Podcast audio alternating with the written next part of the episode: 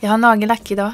Jag såg det, det var oerhört det? snyggt. Ja. Och så kändes det också som att du hade en annan frisyr. Ja, men den är mer normal. Eller alltså, jag klipper ju mig då och då. Nagellack har jag en gång vartannat år. Okej. Tänkte vi skulle förhöja poddinspelningen. Mm. Vi är redo.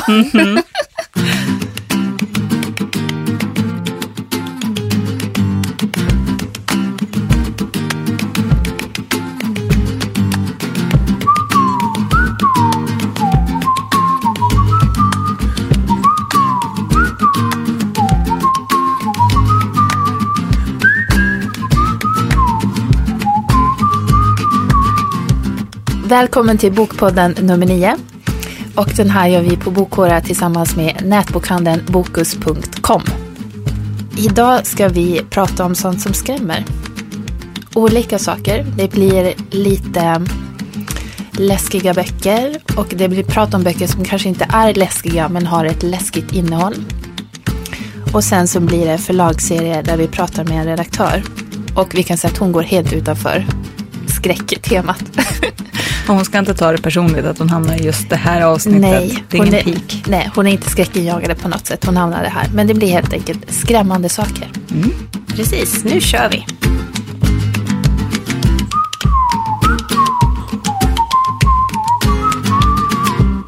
Den här podden handlar ju om sånt som skrämmer. Men, men du, Johanna L, du läser inte skräck. Varför då? Jag är över skräck.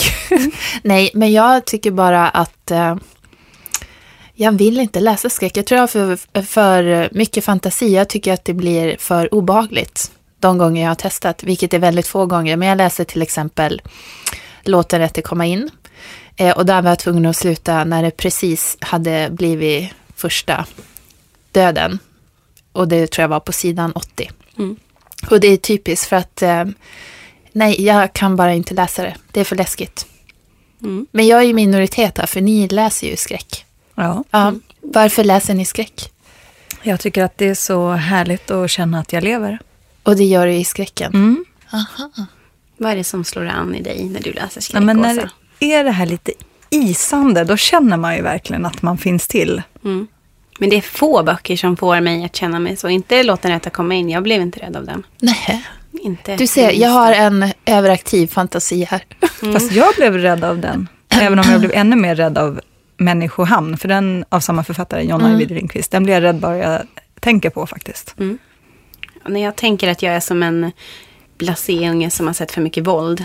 Det finns få saker som skrämmer mig riktigt mycket. Pocketvåldet har fördärvat dig. Men då ni som läser skräck, har ni läst det hela livet eller har det kommit när ni var vuxna eller kan man säga att det har trätt in i någon speciell fas i era liv? Alltså det började ju med spöket Laban. Och då var du väldigt liten.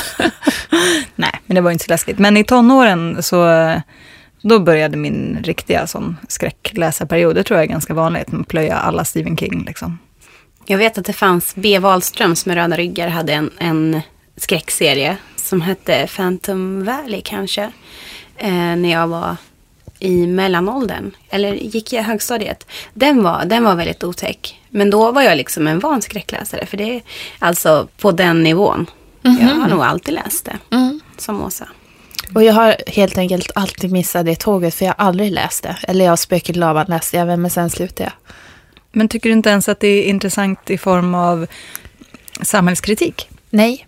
Konstigt. Ja. För det tycker jag är det verkligt rafflande. Alltså när, det, eh, när man ser eh, zombien som en symbol för någonting annat. Eller eh, vålnaden. En suck och du Nej. rullar med ögonen. Alltså jag blir så trött på det där. Det är också anledningen till att jag läser väldigt lite fantasy. För jag tycker liksom samhällskritik kan jag läsa i typ Hatet av Maria Sveland. Det är ju samhällskritik. Men blir det samma samhällskritik i koppling till spänning? Ja, det tycker jag nog. Mm. Ja, men nu får vi se om jag kommer lyckas omvända dig. För jag ska berätta om en eh, läskig bok om läskiga zombier. Men som ändå har lite samhällskritik. Kanske att jag kan få med dig på mitt tåg innan vi är klara. Vi får se.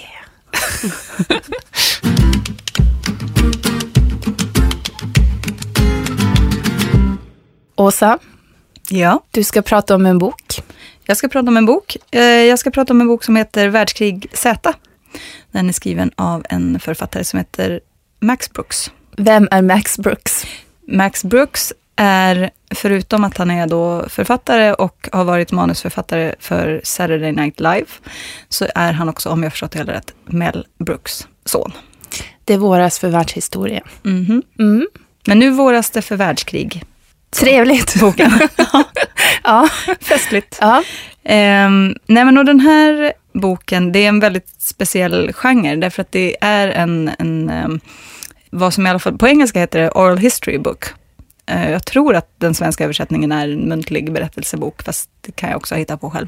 Det säger mig ingenting. Vad är muntlig berättelse? Jo, vi får följa ett antal personer som har överlevt det här världskriget och de berättar sin historia om hur det gick till. Och alltihopa är ju hittepå, men det är skrivet som om det vore en verklighet. Det är alltså inte överlevare från Förintelsen. Nej, det är det inte. Det Nej. är överlevare från det världskrig som kom efter andra världskriget, eh, som heter världskrig Z, där Z står för zombie. Mm. Det är ett zombievärldskrig. Vi väntar fortfarande på det världskriget. Mhm. Eller Och väntar, men bävar. bävar. ja. Det som är, är skillnaden mellan det här världskriget och tidigare världskrig är att det inte är länder som slåss. I alla fall inte främst, även om det uppstår lite sådana konflikter. Utan främst är det ju de döda som har vaknat till liv som slåss mot de levande. Mhm. Jag har en sida som jag tänkte läsa lite Mm. för att förklara. Eh, då står det så här om zombierna att ehm, han fyllde på sina styrkor genom att tömma ut våra och det fungerade bara åt ena hållet. Smitta en människa och du får en zombie. Döda en zombie och du får ett kadaver. Vi kunde bara bli svagare medan de blev starkare. Och sen lite längre fram kommer också att alla mänskliga arméer behöver förnödenheter. Det behövde inte den här. Ingen mat, ingen ammunition, inget bränsle, inte ens vatten att dricka eller luft att andas. Det fanns inga leveransvägar att skära av, inga depåer att spränga. Man kunde inte bara omringa dem och svälta ut dem eller låta dem vissna på sin gren. Lås in hundra av dem i ett rum och tre år senare kommer de ut och är precis lika livsfarliga. Läskigt. Läskigt! Mm. Och det är ju läskigt med zombier och det är också läskigt att tänka på hur vanlig krigsföring fungerar. Apropå ta ut den och den ledaren eller spräng den och den bron eller Mm. eh, lås in i tre år och se vad som händer. Alltså, så det är läbbigt på flera plan. Mm. Du sa ju att det här var oral history, muntlig berättelse. Mhm. Alltså konkret, hur är det här muntliga berättelsen? Vi har en, en eh, intervjuare vars röst vi får höra väldigt, väldigt lite. Men det är han som ställer frågorna som leder till de här muntliga berättelserna från andra personer. Men är, vänta, är det som alltså en ögonvittnesskildring? Ja. Eller? Ja, ja. Det kanske är det som är rätt ord. ja. Och eh, en av de personer som han möter, bara för att ge ett exempel, hon heter Jessica Hendricks. Och han träffar henne i norra Kanada. Det är många som har flytt norrut därför att zombierna blir långsammare av kyla. Så de har större chans när de sakta, de är långsamma redan från början, men de blir ännu långsammare, kanske stannar av helt. Då har man en chans. Och eh, hennes berättelse handlar just om hur hon åkte norrut. Hennes pappa fattade beslutet i ett ganska tidigt skede. Eh, och eh, kommer en bra bit norrut, slår läger där några andra också har slagit läger. I början är det eh, väldigt trivsamt. Eh, man hjälps åt. Eh, man köper till och med saker av varandra. Pengar har fortfarande ett värde. Det är lite kumbaya, det är lägerelden, det är ja, allmänt mysigt. så börjar det liksom. Vart efter situationen förvärras så försämras också stämningen. Så det här glada gänget som grillade tillsammans, i slutändan har det ju gått så långt så att de ja, men du vet, dödar varandra över en eh, chokladkaka eller en förpackning batterier eller någonting Mhm. annat, för de har ingenting. Men vad eh, tycker du om den? Jo, men jag tycker om den. Eh, och jag tycker att, att ehm, det här liksom temat om vad är en människa egentligen och förlusten av det mänskliga och så, det tycker jag är intressant. Mm. Men ännu mer intressant med just den här boken är att den tydliggör strukturer i vårt samhälle. Vad som anses viktigt. i det samhälle vi lever nu. Och när vissa delar plockas bort, hur det bara faller. Eh, bland annat så, eh, en del som utspelar sig i USA, så märker man att när, när liksom samhället har kollapsat, av vilka yrken är då viktiga? Mm. Eh, och i boken så är det så att 65 procent av de som har överlevt har yrken som anses helt värdelösa, helt meningslösa. Mm. Och de personerna som kanske är vana att sitta och chefa, någon som har eh, castat en eh, jättepopulär tv-serie, eh, måste plötsligt ta direktiv från sin gamla trädgårdsmästare eller eh, de som kan laga toaletter, de som kan bygga någonting. De som, ja, så. Ja. så att majoriteten av de eh, överlevarna sätts ju i jobb av typen gräv ett dike, för det är det enda du duger till. Mm. Och där rasar de här strukturerna. Det tycker jag är riktigt, riktigt intressant. En sån låtsasvärld vi lever i när det väl gäller, det tycker jag är rätt, det är spännande. Men då är det här en, vi pratar ju om läskiga saker nu. ja. Är det här läskigt? Ja, eller, det är det. är det zombierna som är läskiga eller är det det här som du berättar om nu som är läskigt? Både och. Båda. Ja, Vad är värst? ja det, fasen, det är frågan alltså. För zombierna är ju störtläskiga, som den här passagen jag läste, just den här isande skräcken i att de ger sig aldrig. Mm. De är långsamma, ja, men de slutar aldrig. Eh, de kan följa dig hur långt som helst, de blir aldrig trötta. Den tanken är ju läbbig. Och det är läbbigt att tänka sig att någon skulle bita tarmarna ur en också, tycker jag. Mm.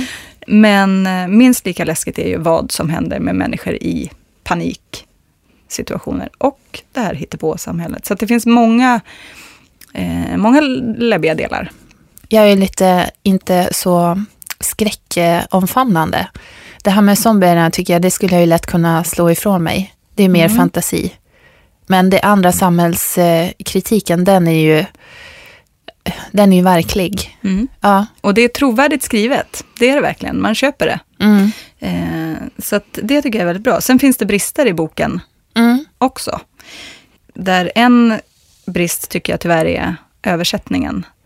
Eh, jag önskar i efterhand att jag hade läst den på engelska, för att ibland är det lite väl direkt översatt på ett sätt, alltså det, det haltar lite. ja.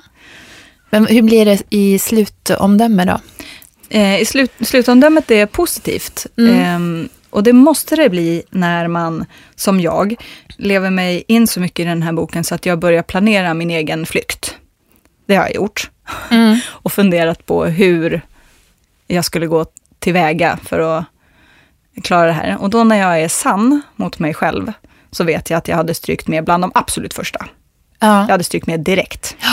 Jag hade hört något oväsen i trapphuset, slitit upp dörren och bara, vad är det för jädra liv här ute? Och så bara, Rah! Så kommer de och tar mig och sen var, är min, var min saga all.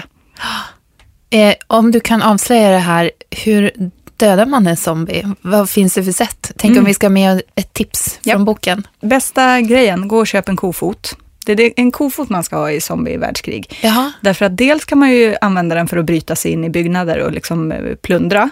Ja, Men ett eh, kraftfullt slag mot huvudet med en kofot mot hjärnan. mot hjärnan. Mm. Du måste ju pricka hjärnan. Det är enda Då, sättet. då dör de. Och kofot är bra, det är inte så tungt att bära runt på heller, det är allmänt smidigt. Det hade kunnat komma som ett litet kit med boken. Presentkit, bok, Mm. kofot. Ja, Men okej, så alltså världskrig Z, mm. den ska man läsa. den ska man läsa.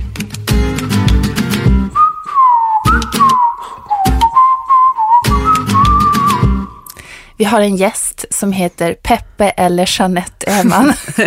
jag vet aldrig vad jag ska presentera dig som. Ja, inte jag heller. Nej, men om du träffar nya människor, vad säger du då? Uh, vanligtvis presenterar jag mig som Jeanette, men så dyker det ändå alltid upp någon som kallar mig Peppe och sen blir Peppe liksom starkare och sen heter Okej. jag Peppe. Peppe Öhman helt enkelt. Ja. Mm.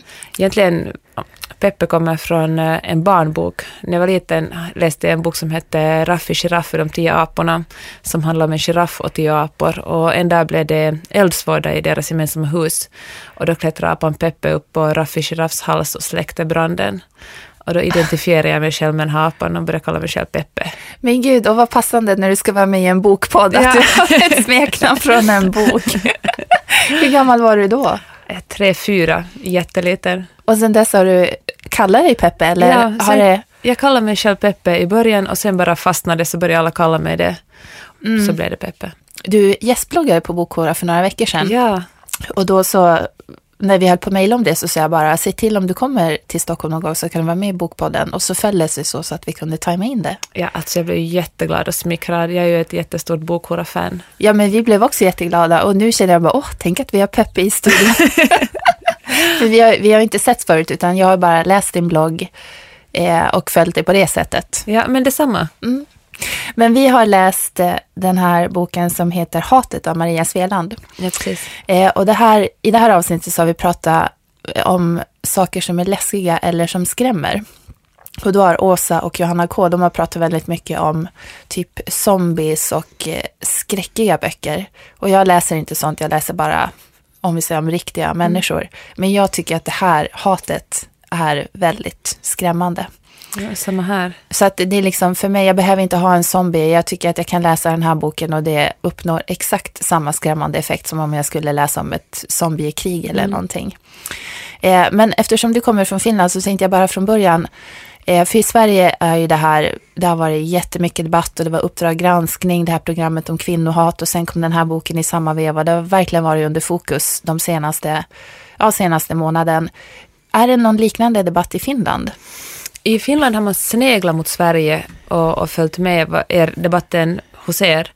Men äh, egentligen före, det förekommer inte alls samma, en diskussion på samma nivå som, som här. Först tänkte jag, när jag, försökte analysera det här, funderade jag på att det kanske beror på att, att vi är så mycket mer jämställda i, Finland. Ja. Men eh, jag tror att det tyvärr snarare tvärtom, att feminismen är fortfarande på en så primär nivå att feminister ännu inte ses som ett hot. Och det är därför det inte förekommer, förekommer på samma sätt näthat och, och, och hårda diskussioner mot feminister. Mm. Det är helt enkelt inte en grupp som, som hotar någon. Istället så, så är det, jag menar, diskussioner om invandrare och, Mm. och delvis också om finlandssvenskar kan bli jättehetsk. Jag vet att skriver man en, en kolumn i, jag var också en journalist på Finlands första, största dagstidning på svenska, Hufvudstadsbladet, och skriver man en kolumn om finlandssvenskar eller, eller invandrare kan man vara säker på att få, få hatmejl och, och ha- hatiska kommentarer. Men eh, feminismen är ändå väldigt, det är väldigt rudimentärt. Mm.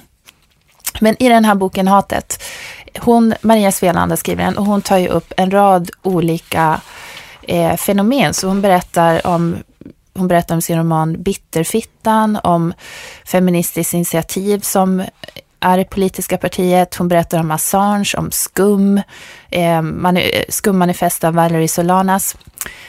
Var det någonting speciellt som du reagerade extra på? Något avsnitt som du tänkte bara, men gud. Uh, kanske mest på skummanifestet. Ja. Jag tänkte på det att, att trots att Valerie Solanas uppmanar, skriver om skummanifestet om, om att Society of Cutting Up Men, så är det ju faktiskt inte en enda kvinna som man vet om som verkligen har följt det här. Medan eh, det i världen sker enormt mycket våld på kvinnor och, och mord på kvinnor.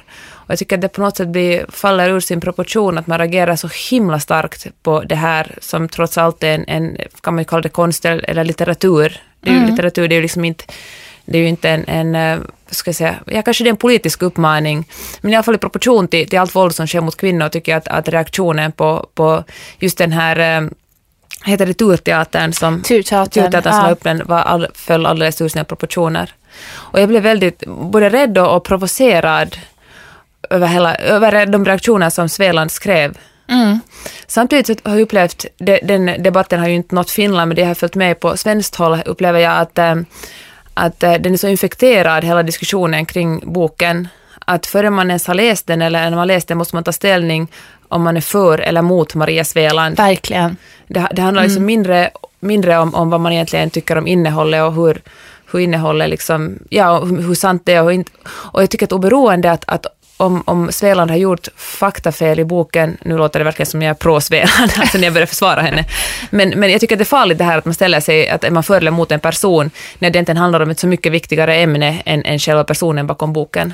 Jag tycker samma, för att nu senaste dagarna har det varit lite diskussioner om till exempel könskriget, den här dokumentären, ja. då fick den journalisten skriva en text om det var i Expressen, ja, där hon försvarar sig och så.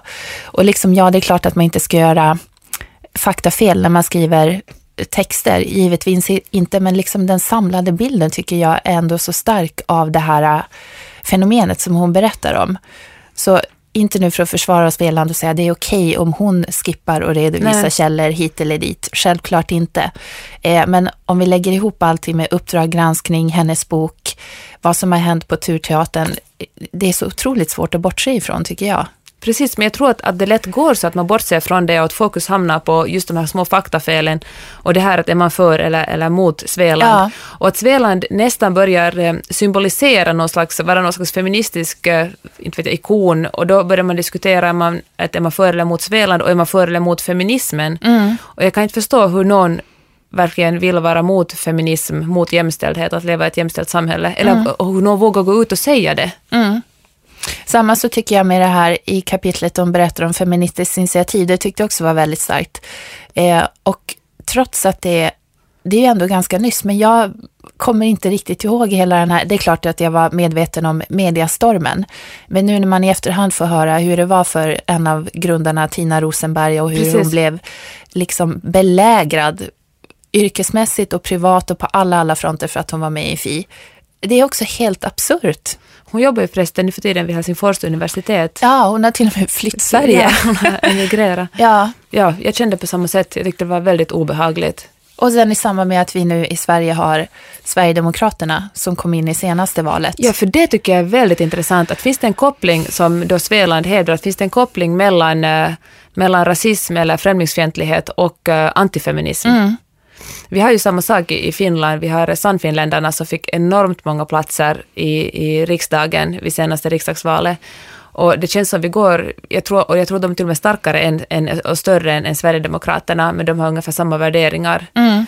Och uh, jag tycker det är enormt skrämmande. Och det är enormt skrämmande att se hur uh, hur åsikter och värderingar justeras för sånt som kanske inte alls var okej att säga för fem år sedan eller, eller, eller för att inte tala om, om sex, sju, tio år sedan, nu är mycket mer, ska vi säga, salongshäfigt. Kan man säga så?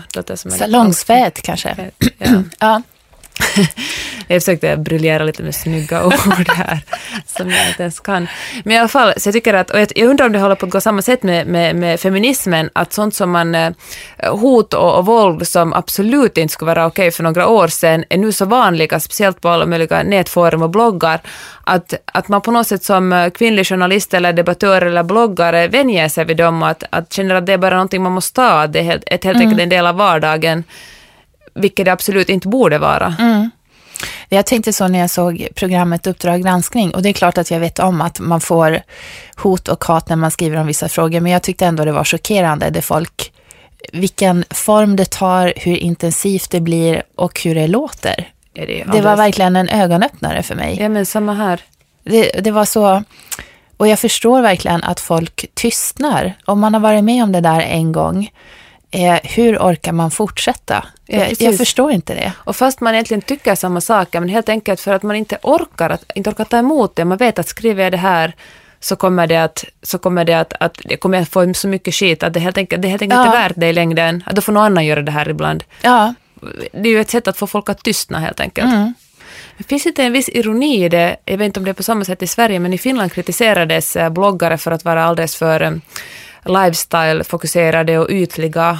Och, och, ja, men typ. Det har vi haft alltid. Alltså, man ja. bara skriver om vad man äter till frukost. Eller, Exakt. Ja. Men, men, så fort folk skriver om verkligt viktiga saker så blir man ju nedtystande. Det är ju ett sätt att, eftersom man får så vidriga kommentarer. Mm. Men det jag tycker Maria Sveland har kombinerat bra i den här boken, just det här att hon på något vis får ihop det här, för hon är väldigt personlig i boken. Det börjar med att hon får ett hatmejl eh, och sen så följer boken henne under ett år där hon som berättar om sitt år, för hon har ju fått hot i flera år från det att Bitterfittan publicerades 2007, så det var inget nytt att hon fick ett hatmejl, men det var som Det var värre än vanligt. Och så följer han henne under ett år där hon är uppgiven, hon är tröstlös, hon får lite kämpaglöd igen och det, hon träffar då människor och pratar om de här olika skum och könskriget och intervjuar lite människor. Så det är en kombination av personliga erfarenheter och sen hennes då agenda som hon vill berätta om. Jag, det, och jag, kan, jag tänker att det kanske kan vara det som är att man blir så provocerad av henne för att hon hela tiden väver in det personligt.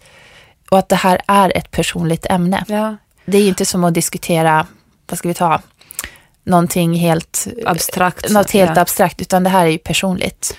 Men sen tycker jag också det är ironiskt, hon blev väldigt kritiserad för det, att den var för känslosam. Som mm. om man, när man skriver en sån här bok så måste det vara bara en, en liksom, någon slags objektiv debatt. Mm. När det egentligen är en, en ganska personlig berättelse om, mm. om hennes år. Jag tycker det är oerhört modigt och det tänkte jag på när jag, när jag, när jag läste den, att det är så oerhört modigt av henne att verkligen citera kronikörer och, och andra journalister och, och bloggare som eh, hon nödvändigtvis, eller ofta inte alls håller med om och, mm. och, och visa upp att vad de har skrivit. Och då tänkte jag så här att det skulle jag aldrig våga med i svensk Finland, för svensk Finland är så litet. Mm. Att, att alla känner varandra och får man någons hat eller någons... Det, det känns ju... Man, fan jag undrar, det här borde jag kanske inte alls säga, men det känns som att det är svårare att vara en journalist eh, i medielandskapet i Svenskfinland eftersom eh, det är så lätt att man hamnar på en svart lista någon tycker att man är besvärlig eller jobbig mm. eller har fel åsikter och så är det jobbigt nästa gång man söker ett jobb. Och då tänkte jag på det här, jag vet inte hur stort liksom medie-Sverige är, men jag tänkte på att jäklar så modigt att hon vågar hänga ut alla de här människorna med så mycket makt och så mycket, så många läsare som mm. kan försvara sig och, och liksom ge tillbaka och, och som kan samlas mot henne och verkligen skjuta ner henne. Så stort är det inte i Sverige heller. Så jag tycker att det är modigt. Det är inte, även om det är större än vad det är i svensk Finland så är det ju inte som, det är inte så jättestort. Så jag kan tänka mig att det har blivit lite svårare för henne. Vad ska vi säga som avslutning om den här tunga men viktiga boken? det var verkligen inget fnissigt samtal. Det här. Nej. Uh, jag vet, jag önskar att så många som möjligt skulle läsa den och att, att man verkligen skulle se förbi det här uh, se förbi att, att är man för eller pro eller mot Maria Sveland som person, för jag tycker att egentligen hennes Maria Sveland som individ borde inte vara viktig i, i det här sammanhanget, utan tvärtom det hon skriver om och helheten hon beskriver borde vara någonting som, som så många som möjligt skulle ta till sig och försöka förstå. Och att man borde förstå att det här inte handlar om någon slags, eh, det här, det här är inget könskrig, det handlar mm. inte om männen mot kvinnorna, utan tvärtom handlar det om ett, ett, ett obehagligt fenomen där människor hotar varandra och människor försöker tysta ner varandra. Mm. Vi tar det som avslutning. Tack Peppe för att du kunde komma till Stockholm. Tack så hemskt mycket. Och vara med får... i studion. det här är min absoluta favoritstad så jag är väldigt lycklig att få vara här. Ja, tack ska du ha. Tack. Hej.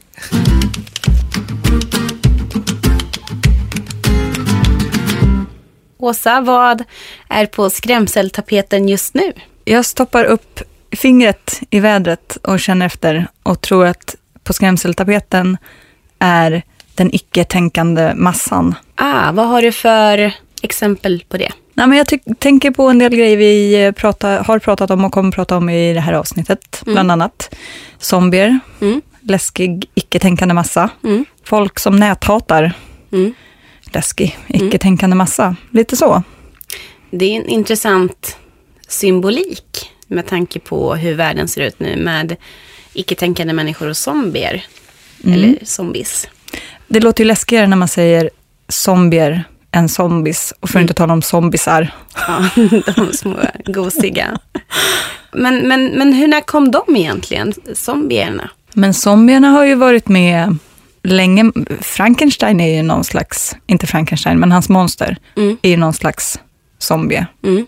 Sen har de kanske varit borta ett tag och så nu har de kommit tillbaka igen. Tack och lov ännu icke som något slags monster som man vill ligga med. Jo, För, det kommer ju en... en Nej, sluta. Jag orkar ja, inte det. det. det. finns ju, vad heter den, Warm Bodies. Nej, jag kommer inte ihåg vad den heter, men den, den här boken som nu blir film. Där zombierna blir för mänskliga och det är en tjej som vill ligga med en zombie. Hur går det till? Berätta mer. Har du läst det här? Nej, jag har inte läst den boken tyvärr, men, men den, eh, den finns. Så att nu är vi, nu är vi vid din lägsta punkt. Jag får bilder nu som är så obehagliga. Mm. Är det kärlek eller är det sex vi pratar om? Det är kärlek. Okej. Eh, för, för jag tänker, sex är ju också någonting som skrämmer, eller har skrämt. Mm. Det här med eh, särskilt kvinnans sexualitet har ju varit superotäckt. Absolut, det är därför vi har Dracula. Som ska lära oss att ha brallorna på, eller ha kjolen då. Ja, eller polo. tänker, ja, ja, men det stämmer. Ja. Och vad har, vi, vad har vi mer som har skrämt genom tiderna? Jag tänker på den, den otäcka tekniken Mm. och hur den skrämmer. Eh, och, och 1984 och, och sånt. Eh, Den är ju verkligen jätteotäck. Den är verkligen jätteotäck och eh, Kallocain Ja. är lite samma anda. Mm. Men, och jag tänker också en annan sak som vi, ja, kanske inte vi, vi också, men framförallt några andra som har varit väldigt, väldigt rädda för kommunismen. ja. Det var ju fruktansvärt skräckinjagande under en period. Mm. Handlade egentligen inte alla sån här hotet från yttre rymden om Egentligen. ryssarna? Ja, förmodligen. Mm. Nu kommer de och ska förändra oss. De kommer utifrån och ska göra oss till några som inte är. Ja, för nu, nu blottar jag mina, min okunskap om science fiction. För jag, det känns som att det inte finns så mycket hot från rymden just nu. Vilket är konstigt, för det, rymden är ju otäck. Alltså den är ju skitläskig. Det kan ju finnas vad som helst där ute. Du känner ett behov Ja. av skräck från rymden, hot från Efter rymden. zombierna. Mm, det kanske är nästa Mm. spaning. Och jag saknar också eh, djävulen. Eh, jag saknar Satan i litteraturen. Eh, jag läste precis eh, Gillian Flynns Mörka platser där det pratas om satanism. Men, men det, det känns lite gjort. Mm, det känns lite gjort. Känns inte det kanske lite 80-tal? Jo, Och det som också känns lite 80-tal, det är ju läskiga djur. mm. du tänker på hundar. Jag tänker på hundar till exempel som får rabies. Mm. Där har vi ju till exempel Dean Koons väktare. Och en, eh, men en hund och en eh, modifierad apa. Och sen har vi ju Kujo. Mm, det är en läskig hund. Mm, en jätteläskig hund. Det känns ju långt bort nu. Ja, nu har vi ju som sagt zombierna. Och, men vad har, vi, vad har vi utanför den? I den mer eh, realistiska skrämseln eh, tänker jag på att vi har naturen. Mm. Naturen är ju alltid otäck. Eh, som jag tänker till exempel på Jesper Weins eh, Det som inte växer är döende. Jag tänker på Fallvatten, Mikael Niemi, som jag läste nyligen och blev så här exalterad för det var så spännande så jag höll på att köra in i andra bilar när jag lyssnade på den i min bil. Det handlar ju om eh, hur Lule älv bara, alla dammar brister och det bara forsar fram och sliter med sig civilisationen. Jag tänker också lite på Amanda Hellbergs eh, Jag väntar under mossan. Som är en, där det, det kommer en, en, en otäck gubbe som är som naturen och drar in kvinnor under marken och tar deras ungdom. Du visar väldigt fint med händerna nu hur gubben kommer upp ur marken. Mm, men det ser ingen utom du. Nej, det är synd. Mm. Men du, ska jag säga en sak? Ja. Jag har en sak som jag har tänkt på. Mm. nu skrattar du åt mig. Nej, men så här. Eh, om man tänker långt tillbaka, de muntliga berättelserna om, om sånt som är läskigt. Mm. Persongalleriet från folksagorna. Och hur det liksom förvrängs. Att från att vi ska tycka att Pomperipossa är det största hotet eh, som äter barn. Så har vi nu Harry Potter-serien där vi ska vilja åka på internatskola och bli undervisade av Pomperipossa i någon slags, eh, vad vet jag, hur man planterar eller eh, hur man tolkar stjärnbilder eller någonting. Och vi ska ju vi ska inte bara gå på internatskola, vi ska ju bli ihop med dem. Vi, ska ju, vi ska ta dem till våra hjärtan. Det känns ju som ett stort fuck you till folksagorna. Tack. Ja. Vad ska vi göra åt det? Vad ska vi nu skrämma våra barn med? Ja. Vi får gå tillbaka till skräckhistorien med pojken som fick fyrkant i ögonen av att titta för mycket på tv. Mm, den är ju bra. Mm, den är inte tagen heller. Så jag känner att den får En, komma. eller i och för sig Roald Dahls eh, Micke till Ven där. Mm. Ja, den, den är lite tagen, men jag tänker det är väl ett, ett problem som föräldrarna har. Eh, och sen vill jag inte riktigt tänka på de andra vargarna, de fula gubbarna till exempel och så. Ehm, Men oh, oh, det här med att man får kramp om man simmar för snabbt efter att man har ätit picknick. Kanske den? Vi får Ja. sätta allt vårt hopp till myten om att man kan få kramp. Där har vi hajen i och för sig. Ja. Ehm, jag tänker att eh, det, får, det får helt enkelt kanske runda av diskussionen att barn, ni lever farligt. För vi krossar era rädslor en efter en. Mm, det blir ingenting kvar att vara rädd för. Nej, Och hur läskigt är inte det? mm. det är det som är det nya. Mhm. Mm.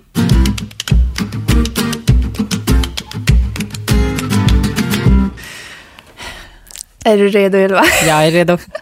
Plötsligt blev jag nervös, trots att av de gäster vi haft är det jag känner allra mest. Det kanske, kanske är det. Kanske är det. Jag ser så farlig ut. Det tycker jag inte. Okej, nu ska vi börja. Mm. Vi har förlagsserie. Vi har Ylva Blomqvist som gäst. Hej, hej. Hej. Du jobbar som redaktör, det är därför du är här. Jaha. Vad är en redaktör?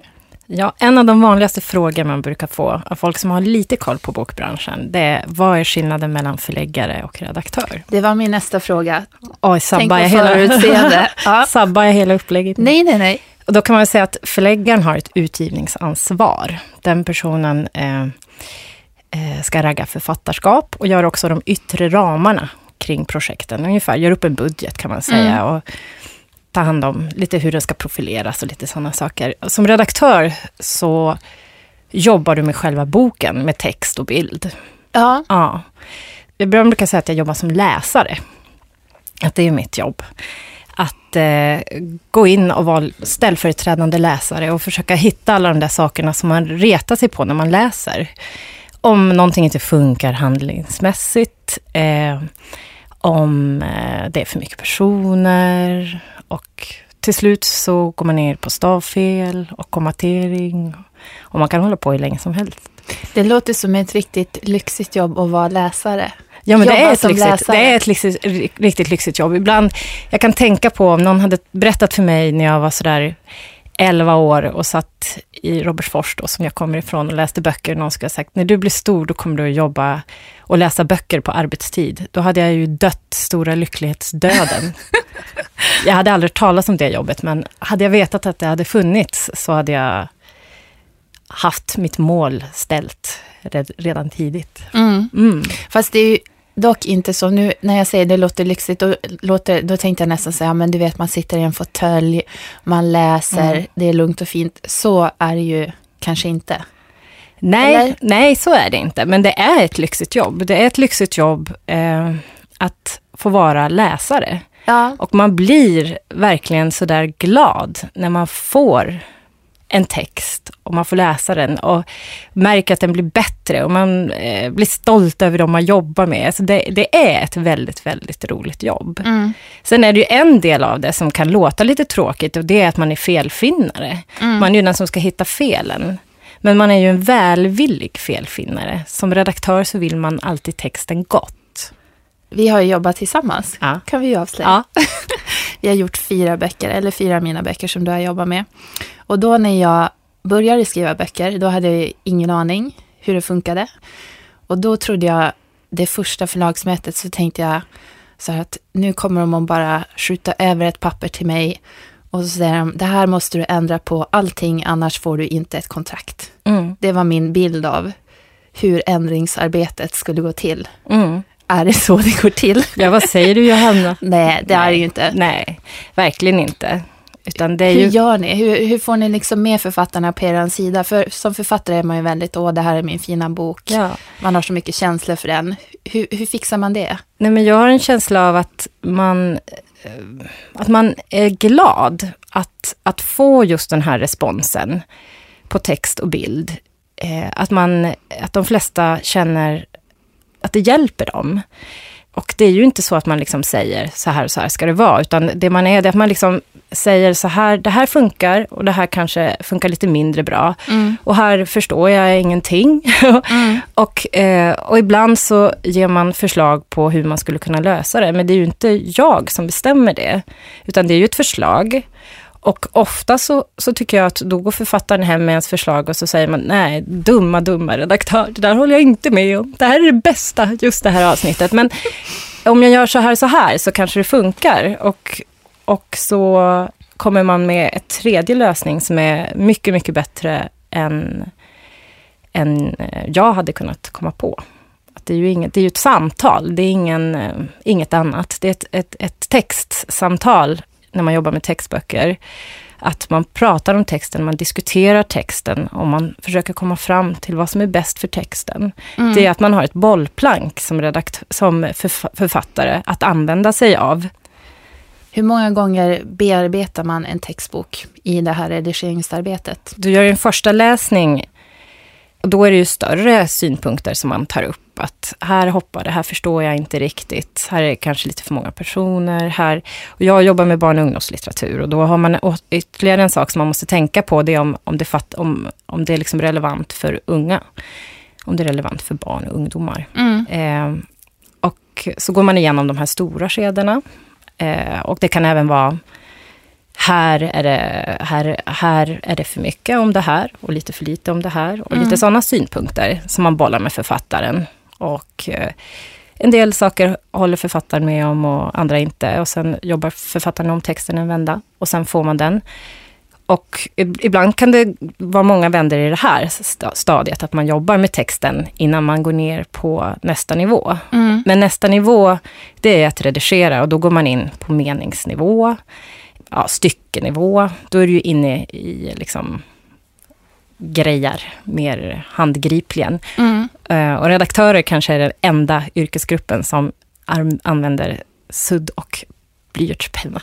Det är liksom våra arbetsredskap. Vi sitter här med sudd och eh, blyertspenna och eh, böcker. Ja, Svenska Akademins ordlista och lite sånt där. Och så- då, gö- då är det ju helt enkelt så att ni skriver ju saker i manuset. ja, Det- förslag. Ja. Ja, precis. Och man går in, och där är det också man går in på allt. Man kollar, man är tvungen att kolla. Som, som redaktör ska man kolla allt. Man ska kolla, stämmer den här veckodagen? Är det för stort hopp? Eh, eh, inga personer får byta namn. Eh, och sen går man liksom ner på meningsnivå. Funkar den här meningen? Blir den som man har tänkt sig? Eh, och sen på ordnivå. Och sen liksom längre och längre Ja. ner. Man går in i mer och mer detaljer. ja. Ja. Men brukar du känna ibland när du arbetar med böcker, om vi tänker slutresultatet, känner du nästan så här, den här boken är nästan min? Alltså att du har jobbat med den så mycket, får man den? Nej, jag tycker att, eh, jag tycker att man väldigt... Att, att det är en fråga också man får så här, eh, skriver du, vill du bli författare? Och det vill jag inte.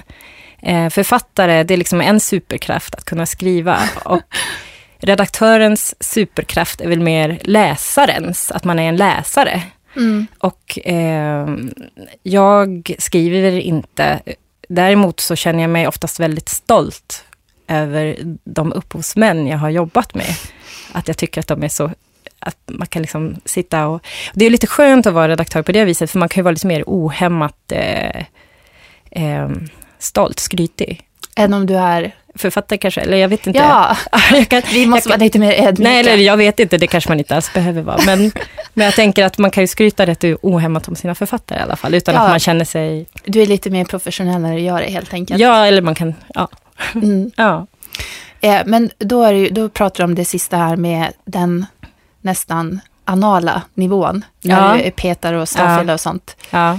Eh, och det är ju du väldigt petig i, tycker jag. ja. Ja, det är bra. Behöver man vara liksom en, en jobbig människa för att bli en bra redaktör? Ja, alltså men- pet, pet, pet. Jo, men alltså, jag tror att ett visst mått, alltså det, det är ju ett jobb, jobb där ens tvångssyndrom eh, belönas. Alltså har man, är man den typen som gärna kollar om eh, plattan är på två gånger. Så när man läser ett manus så kollar man, fakta kollar man allt ju. Man, är- Det är ju en paranoid läsning du gör. Du läser för att, för att eh, hjälpa författaren att hitta fel. Och då måste du vara rätt anal.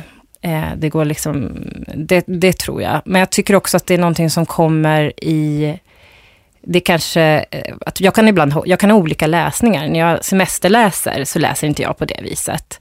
Då läser jag snabbt och njutningsläser och eh, där tror jag att, jag, jag har nog faktiskt två, två sorters läsningar. Det där är lite olika. Men jag kan lämna jobbläsningen på jobbet och läsa på ett annat sätt när jag läser hemma. Mm. Ja. Men lite, lite jobbig måste man nog faktiskt vara för att vara, vara redaktör. Det låter som att du tycker att ditt jobb är ganska kul. Ja. Mm. Mm. För vi pratade med en förläggare tidigare och hon sa att en av de roligaste sakerna var det här när man ska anta en författare och så ska man ringa och berätta att vi gillar ett manus jättemycket, vi vill ge ut det. Vad skulle du säga är det roligaste med att vara en redaktör, om du ska, ska som plocka ut en viss grej? Det är när man får läsa, att vara första läsare, att få den här fantastiska berättelsen eh, första gången. Det är en häftig Mhm. grej tycker jag.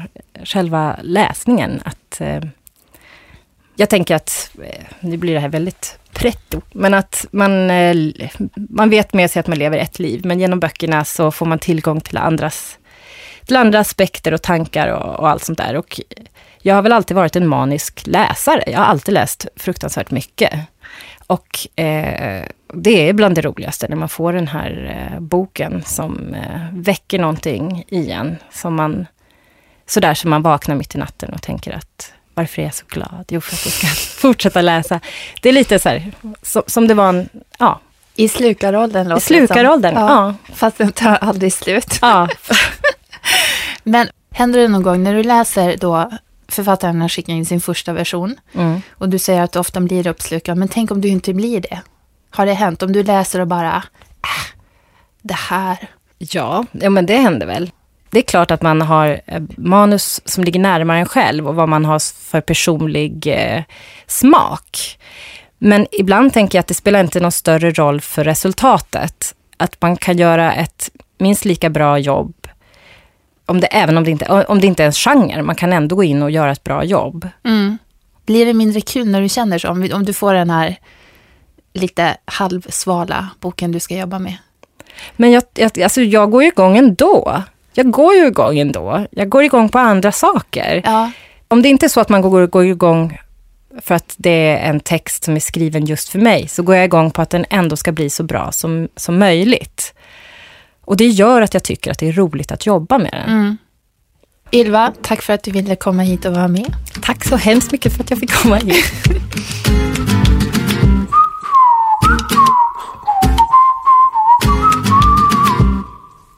Vi är framme vid avslutningen. Nu har vi pratat massa skrämmande saker eller läskiga. Och nu blir den här frågan vad man har läst som är läskigt. Ett exempel på någonting läskigt eller skräckigt. Vem, vill, vem känner sig manad att börja? Jag kan börja. Mm. Ehm, jag pratade ju om att jag inte, jag blir inte rädd för så mycket. Precis. Men en bok som faktiskt skrämde mig, som jag blev rädd av, var Michelle Paver, eller pa, Michelle Paver kan vi säga. Hon är väl engelska? Paver. Ja, Ja. ja. precis. Hon, eh, hon har skrivit Vargbröder också. Men hon har skrivit en vuxenbok som heter Evig natt. Som handlar om en, en grupp män som åker till Nordpolen för att eh, göra eh, olika observationer. Och då åker de till en hemsökt plats. Och det, av olika anledningar så blir en en av dem ensam där och där finns ett spöke som är, jag tycker han är så sjukt otäck. Man bara känner när han, när, när de ser det här äckliga spöket. Jag bara känner, jag vill inte läsa det här, det är så himla otäckt. Och det finns en eh, björnpåle eh, ute på gården som flyttar sig. Det är också, det är äckligt, det är jätteotäckt. Vad är en björnpåle? Ja, Det men- jag också. Ja men det är någonting som ska liksom skrämma bort björnarna. Jaha, Ehm, typ som myggskydd. Nej men som en fågelskrämma fast jag vet inte. Jag, Ja. jag kommer inte riktigt ihåg. Men det, det är i alla fall, vi kan säga att det är en, jag föreställer mig att det är som en stock som är ute. Den är stor, den är fast. Det är som en totempåle. Ja, precis. Ehm, och den flyttar sig närmre huset bara. Han tittar ut eh, och den flyttar sig närmre huset. Det, är, eh, det kan vara hans psyke som blir trasigt. Men, men jag, jag föreställer mig liksom att det här stället är så himla, ja, det är så himla eh, förstört och ruttet och eh, hemsökt. Ehm, det är otäckt. Alltså jag har en gammal, gammal, nästan en livslång historia med clownen Det. Eh, som jag gjorde, som en släkting gjorde det stora misstaget att ge mig i 12-årspresent. Det var lite tidigt. Den skräcken var så förlamande. Alltså för, att, eh, för er som inte känner till Stephen Kings Det så är det helt enkelt så att det är ett monster som oftast har, tar skepnaden av en clown för att kunna lura till sig barn som han äter upp. Men han kan också ta form av precis vad som helst, vem som helst. Kanske det man fruktar mest, eller någon som man litar på. Så jag gick in i något sånt här, nu står jag här med min kompis, mamma. Eh, och just nu så är det min kompis. Men om jag vänder mig om nu och tar någonting från hyllan och vänder mig tillbaka, då kan min kompis mycket väl stå där med clownsmink och en ballong och skratta läskigt. Alltså ingen gick att lita på. Vem som helst kunde vara clownen. Och jag var så livrädd. Och det här följde mig länge, alltså riktigt länge. Ehm, jag tror att jag delar den skräcken med de som aldrig har kommit från sin fasa för Bob i Twin Peaks. Det är också det här badrumsspegeln. Han kan vara där. Det, det är samma princip. Jag stod exakt och tänkte på honom. Mm. Och den här clownen har jag hört jättemånga prata om. Som har läst Ja. Stephen King, så han är ju en ikon. Ja, men det är en skräck. fruktansvärt vidrig clown. Och det är bara några år sedan som jag bestämde mig för att jag skulle göra upp med clownjäveln alltså. Så då eh, läste jag om den. Mm. Och då insåg jag att själva boken var ju så oerhört mycket mindre läskig än min, det jag själv har skapat. Mm. Så jag känner att jag har lite kommit över det där nu. Du är bara kul med clown. Jag bara tut tut clown. Ja. Men Johanna, du då? ja, vad ska jag komma på nu? Nu är jag bara så här lite fixerad vid att jag står och tänker på Bob i Twin Peaks. Men jag måste säga, inte den här scenen i badrummet, utan snarare den där han kommer upp bakom soffan. Eh, vad ska vi tänka? Jag blir ju väldigt... Jag gillar relationsromaner. Till exempel så tyckte jag när jag läste Helena von Zweigbergk ur Vulkanens mun, den var fruktansvärd. Eh, det är ett par som har, genomgår, Eh, eller de genomgår inte en skilsmässa, men de är på god väg att genomgå en skilsmässa. De åker på semester. Och där var det vidrigt på alla plan. Det var, de var hemska mot varandra, paret. Barnen, deras tonårsbarn eller nära tonåren, de var så påverkade av det här. Det var vidrigt. Alltså jag kan bli väldigt skrämd av sådana saker, att det bara blir det här isiga 300 sidor ångest. Men där måste jag då läsa vidare, så kan jag inte sluta läsa. Så det är typ det. Även om jag blir fruktansvärt rädd så måste jag läsa klart och har ångest i alla sidor. Ja, vi, känner vi att vi är färdiga med läskigheterna? Får det vara nog? Ja. Och då ska vi säga också att vi har, vi har efterlyst lite synpunkter på Bokpodden, men vi har liksom inte fått så mycket. Men om man har lyssnat nu och så känner man att man skulle vilja tycka till om någonting eller önska någonting, då kan man mejla den här adressen redaktion bokhora.se. Får gärna säga vad ni anser. Eh, och sen så kan vi också säga att vi har, Johanna Ö har inte varit med på några avsnitt. Och det är helt enkelt för att hon är höggravid i Vittangi. Det är en bra Alltså, titel. Höggravid i Vittangi. Och när ni hör det här programmet så är det ju långfredagen. Och vad passar egentligen bättre än att... eh, Läsa en bok om djävulen. Exakt. Så glad påsk på er. Japp, glad påsk. Och så säger vi även glad påsk till nätbokhandeln Bokus.com som hjälper oss att göra det här och produktionsbolaget Munk. Hej då! Hej då!